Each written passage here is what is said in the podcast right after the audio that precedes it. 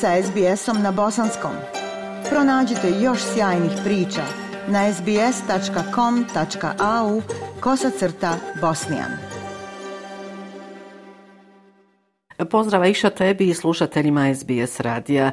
E, na samom početku želim da svima čestitam novu 2023. godinu. Neka vam ova godina donese dobro zdravlje, sreću, radost, mir i svako blagostanje. A dok šaljem ovaj izvještaj iz Sarajeva, uveliko traje slavlje u gradovima Bosne i Hercegovine. Ovo je noć kada stanovnici ove zemlje već decenijama e, staru godinu ispraćaju sa ne ponovila se, a u novu godinu ulaze sa nadom da će nam ipak biti bolje. Imamo pravo da se nadamo bolje. Većina građana i ovaj doček nove godine uglavnom provodi kući sa porodicom i prijateljima. Organizovani su i dočeci brojni u hotelima i restoranima, a u većini gradova na otvorenom uz bogat muzičko-zabavni program proslavljaju doček nove godine. E, tako, na primjer, Sarajlije i goste glavnog grada u 2023. godinu uvodi popularni bosansko-hercegovački bend Dubioza kolektiv ispred vječne vatre.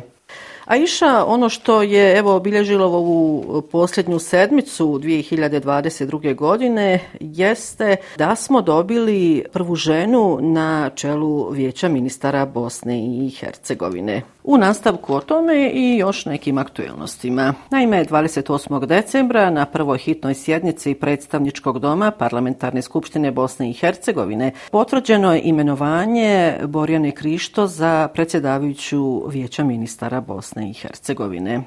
Preporuku o njenom imenovanju ranije je dala Komisija za pripremu izbora vijeća ministara Bosne i Hercegovine, a predložila su je dva člana predsjedništva, i to Željka Cvijanović i Denis Bećirović, dok je Željko Komšić bio protiv. Borjana Krišto je izložila plan svoga rada u predstojećem mandatu na čelu vijeća ministara Bosne i Hercegovine.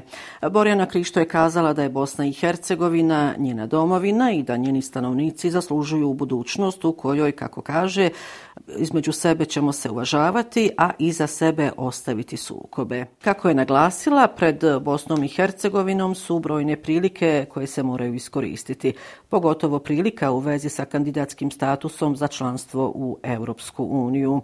Istakla je da je mjesto Bosne i Hercegovine u Europskom krugu. Borjana Krišto je program rada podijelila u devet poglavlja.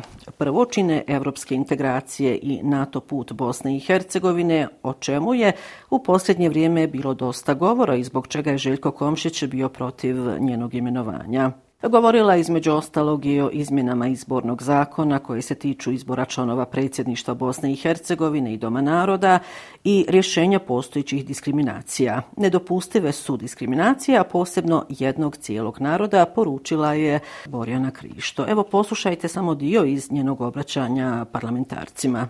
Namjeravam se puno više oslanjati na rad institucija nadležnih za pitanja europskih integracija, njihovu koordinaciju i stavljanje njihovih kapaciteta u punu funkciju. Integracija u NATO nije samo vojni, nego i politički savez. Svjesna sam činjenice da je Bosna i Hercegovina država tri konstitutivna naroda, Hrvata, Bošnjaka, Srba i svih ostalih građana koji u njoj žive te kako u Bosni i Hercegovini o svakom političkom pitanju moramo imati puni politički konsenzus, a to se odnosi i na pitanja oko NATO integracija. Za imenovanje Borjane Krišto glasala su 23 poslanika, protiv su bili SDA, DF i PDP. E, nakon njenog izlaganja poslanici su imali prilike i da je pohvale ili eventualno da iznose kritike, a sasvim očekivano oni koji su iznosili kritike su upravo bili članovi ovih parlamentarnih stranaka koje sam pomenula. Tako, na primjer, Branislav Borenović e, kazao je da u ekspozeu Borjane Krišto nije bilo govora ni o akcizama, ni o PDV-u. Poslušajte Branislava Borenovića iz PDP-a. To je ono što najviše interesuje ljude u ovoj zemlji. Jednako i Srbe, i Bošnjake, i Hrvate, i ostali. Kako sam već rekla, i stranka demokratske akcije glasala je protiv imenovanja Borjane Krišto, a Mithat Čustović iz Stranke demokratske akcije također je kazao zbog čega između ostalog SDA neće glasati za Borjanu Krišto. E, poslušajte i njegove riječi. Evropski put bez jasnih rokova, jasno je da nema NATO puta jer je potrebna puni politički konsenzus, ima legitimnog predstavljanja u ekspozeu, nema programskih zakona u oblasti obrazovanja niti strategije za mlade i za porodicu i nema ništa vezano za otvorena neriješena pitanja koja imamo sa nama graničnim državama. 28. decembra Narodna skupština Republike Srpske usvojila je neustavni zakon o nepokretnoj imovini koji je razmatran po hitnom postupku. Republika Srpska neće da se odrekne svoje imovine i nećemo dijeliti našu imovinu sa Bosnom i Hercegovinom. To je pitanje za nas riješeno.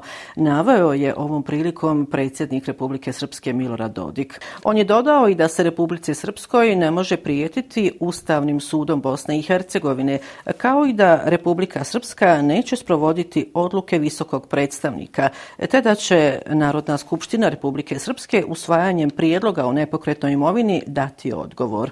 Za je glasalo 45 poslanika, protiv je bilo četvero, dok je suzdržanih tokom glasanja bilo njih 15. Pa naravno iša brojne su reakcije na usvajanje ovakvog neustavnog zakona. Neću ovoga puta govoriti o reakcijama bosansko-hercegovačkih političara, ali ću reći da su se oglasili OHR i ambasada Sjedinjenih američkih država.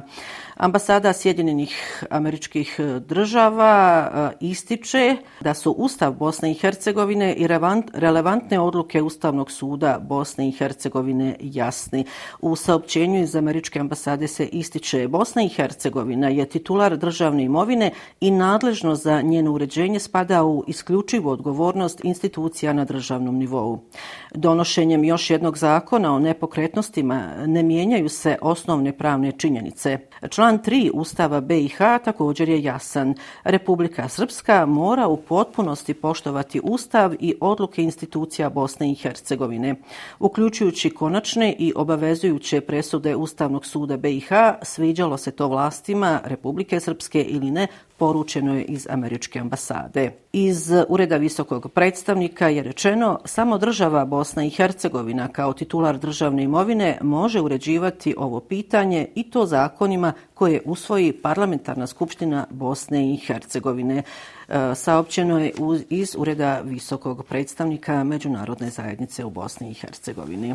I evo iša ovo javljanje iz Sarajeva. Završit ću jednom lijepom vješću. Naima Gradsko vijeće Sarajeva je 28. decembra donijelo odluku o podizanju spomen ploče legendarnom Ivici Osimu koji je preminuo 1. maja ove godine.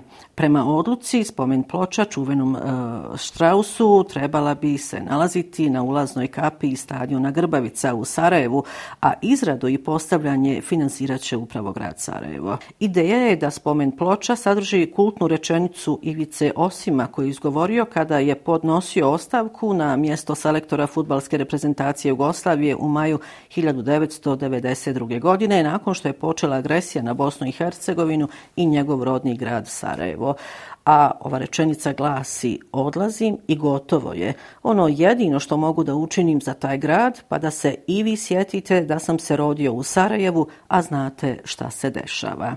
Eto, a iša ovom rečenicom o, pokojnog Ivice Osima završavam ovo sedmično javljanje iz glavnog grada Bosne i Hercegovine. Još jednom vam želim srećnu i uspješnu novu 2023. godinu. E, lijepe pozdrave iz Sarajeva vam šalje Semra Duranović-Koso. SBS na Bosanskom. Podijelite naše priče preko Facebooka. Želite poslušati još ovakvih priča? Slušajte preko Apple podcasta, Google podcasta, Spotify ili kako god da primate svoje podcastove.